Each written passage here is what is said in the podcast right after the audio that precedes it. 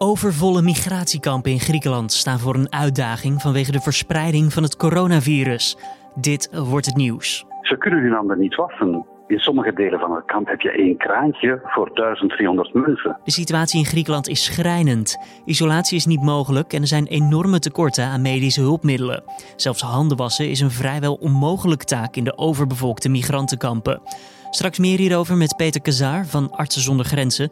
Hij is sinds enkele weken werkzaam op het eiland Lesbos en kan uit eerste hand vertellen over de situatie. Eerst kort het belangrijkste nieuws van nu. Mijn naam is Julian Dom en het is vandaag donderdag 2 april. Het aantal mensen dat in Nederland is overleden aan de gevolgen van het coronavirus is met 166 gestegen naar 1339. Nog eens 625 coronapatiënten zijn in het ziekenhuis opgenomen, al dus het RIVM. Volgens de laatste cijfers liggen er op dit moment bijna 1200 mensen op de intensive care. Dat zijn er ongeveer 40 meer dan woensdag rond deze tijd, blijkt uit cijfers van de Nationale Intensive Care Evaluatie. Terwijl het aantal doden nog altijd oploopt in Spanje, wijzen gezondheidsdiensten daarop het feit dat de besmettingscijfers een afvlakking laten zien. Het Zuid-Europese land is al ruim twee weken in lockdown. Eerder deze week werden de maatregelen nog aangescherpt. Alle mensen met een niet-essentieel beroep moeten nog twee weken thuis blijven. De coronacrisis heeft ondertussen al een krater achtergelaten in de Spaanse economie. Al meer dan 900.000 Spanjaarden zijn hun baan verloren. Volgens de regering is er sprake van de sterkste stijging van het aantal werklozen ooit gemeten. De temperaturen lopen dit weekend naar verwachting flink op, dat meldt Weerplaza. Vooral zondag zal het in delen van het land 20 graden kunnen worden. De sterke stijging van de temperatuur wordt veroorzaakt doordat de wind draait naar het zuiden. Zaterdag is het al iets te merken met zo'n 14 graden, maar zondag is het dan echt volop lente buiten. Ruim 6800 leerlingen in het basisonderwijs, voortgezet onderwijs en middelbaar beroepsonderwijs krijgen deze week een laptop om thuis te kunnen werken. Nu scholen gesloten zijn, wordt er op afstand lesgegeven.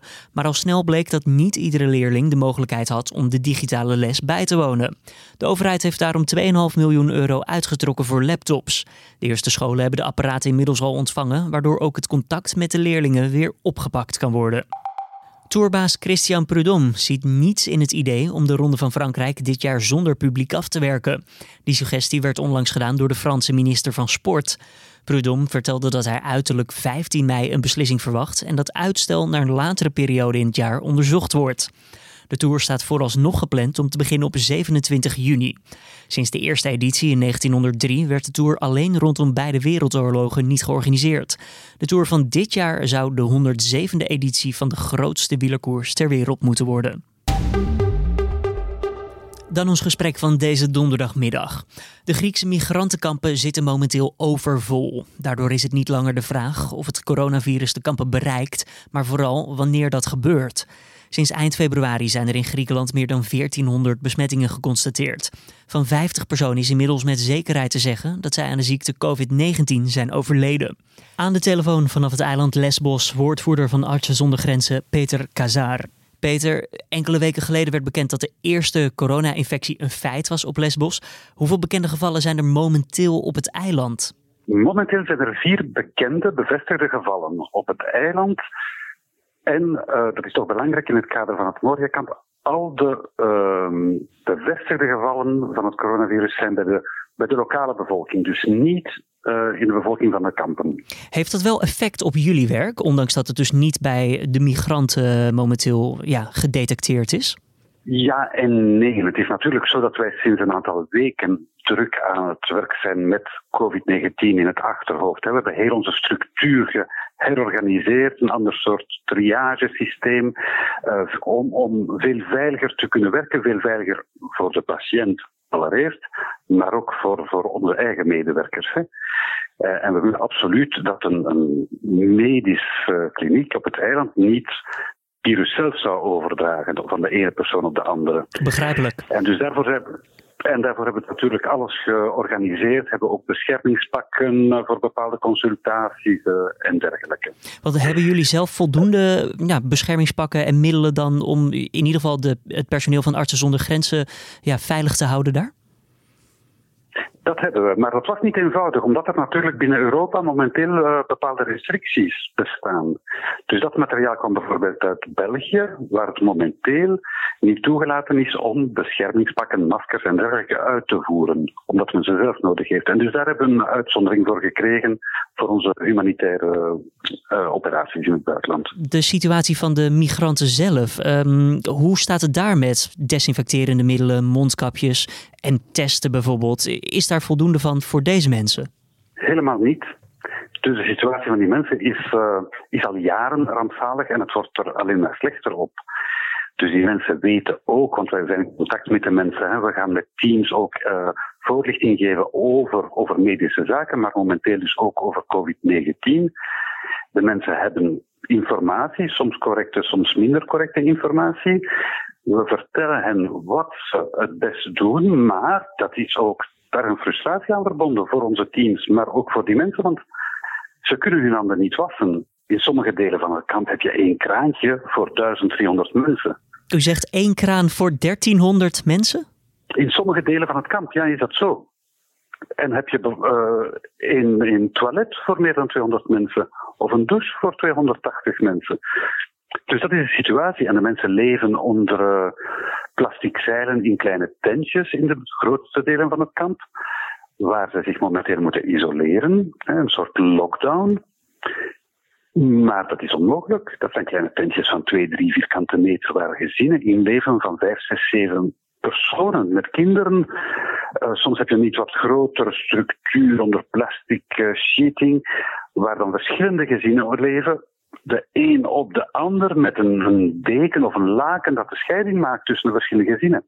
Dus als je denkt wat we in België, Nederland, in alle landen doen in feite, is thuisblijven, maar iemand die zich niet goed voelt, die bepaalde symptomen heeft of die effectief COVID-19 heeft, vragen we blijf in je kamer en we zorgen wel dat je eten krijgt enzovoort, maar we zonderen die mensen af. Hier is dat onmogelijk.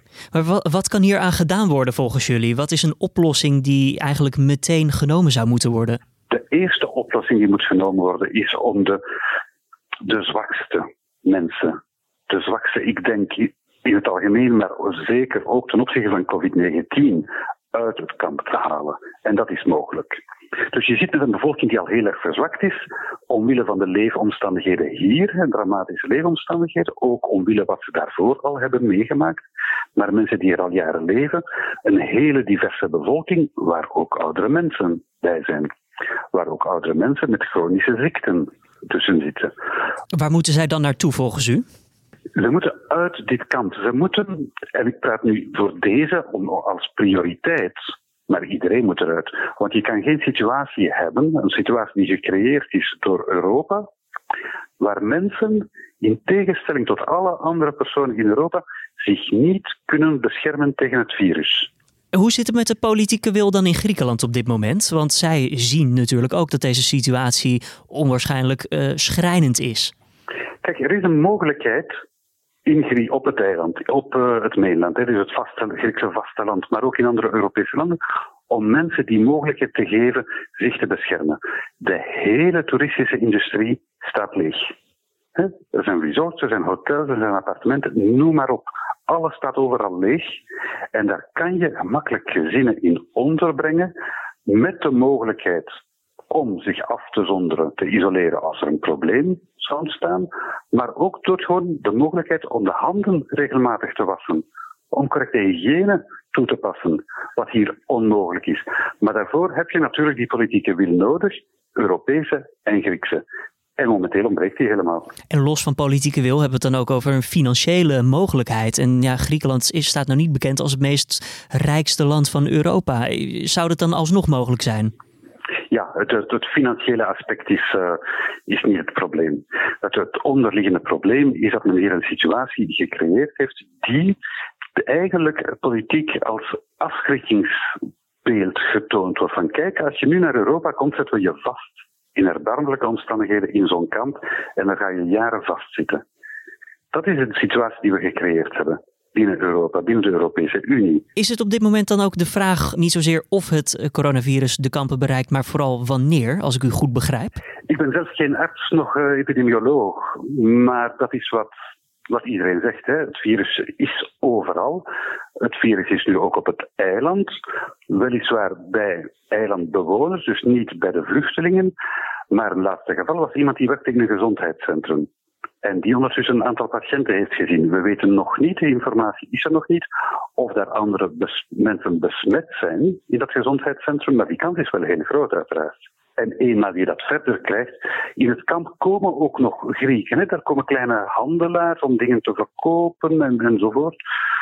Heel weinig omwille van de lockdown, maar het gebeurt nog. Het is nog niet stilgelegd. Uh... Het meeste is stilgelegd en de mensen in het kamp wordt ook gevraagd, binnen het kamp gevraagd. Verplicht, hè? politie staat uh, met checkpoints rond het kamp om in het kamp te blijven. Wat natuurlijk voor de mensen zelf, die bang zijn, die zich gevangen voelen, geen ideale situatie is, want ze weten dat ze vastzitten. En dus krijg je ook geleidelijk aan meer en meer spanning, ongerustheid in dat kamp. Als die mensen, er zijn meer gevallen met het virus op het eiland, zij beseffen dat ook heel goed. Hè? We zitten hier niet veilig. We moeten iets, we moeten weg. Resumerend, de politieke wil die is dus nodig om deze situatie op te lossen. Um, ziet u dat ook gebeuren op korte termijn? Ik zie dat niet gebeuren op korte termijn. Uh, er waren een paar beloftes om uh, minderjarigen, niet begeleide minderjarigen, hè, kinderen dus, uit het eiland te halen. Daar is veel over gesproken. Daar zijn cijfers uh, genoemd, hè, een duizendtal, 1600 enzovoort. Daar wordt ook niet meer over gesproken. Dus ik denk dat iedereen een beetje een stap achteruit aan het zetten is momenteel. Waarom wordt er niet meer over gesproken dan? Ja, ik denk dat uh, alle aandacht op uh, eigen bevolking gericht is. En dat er voor deze mensen heel weinig uh, initiatief is vanuit Europa en vanuit Griekenland. Hè. Dankjewel voor het gesprek. Woordvoerder Peter Kazaar van Artsen zonder Grenzen vanaf het Griekse eiland Lesbos. Dan het weer van Weerplaza. Vanavond raakt het bewolkt en valt er plaatselijk wat lichte regen. Vannacht wordt het droog en klaart het op. De minima die liggen tussen de 0 en 5 graden. Morgen zien we een mix van zon en wolken met plaatselijk wat kans op regen. Het wordt dan 8 tot 11 graden. Dan acteur Samuel L. Jackson. Die heeft namelijk in een thuisuitzending van de Amerikaanse talkshow Jimmy Kimmel Live een versje voorgelezen voor mensen die nog niet helemaal bekend zijn met de coronamaatregelen. Stay the at home. The Rona is spreading. This is no joke. It's no time to work or roam. The way you can fight it is simple, my friends. Just stay the at home. Now, technically, I'm not a doctor, but mother listen when I read a poem. So here I am, Sam Jackson, imploring you, keep your ass at home. Mocht je nou meer willen horen van Jackson en Kimmel, dan kan je op de site en in de app van nu.nl kijken naar de hele video. Dit was dan de middagpodcast van nu.nl. Tips of feedback zijn welkom. Die kunnen naar het mailadres podcast.nu.nl. Dan wens ik je voor nu een fijne en gezonde donderdagmiddag. Mijn naam is Julian Dom en tot morgenochtend weer.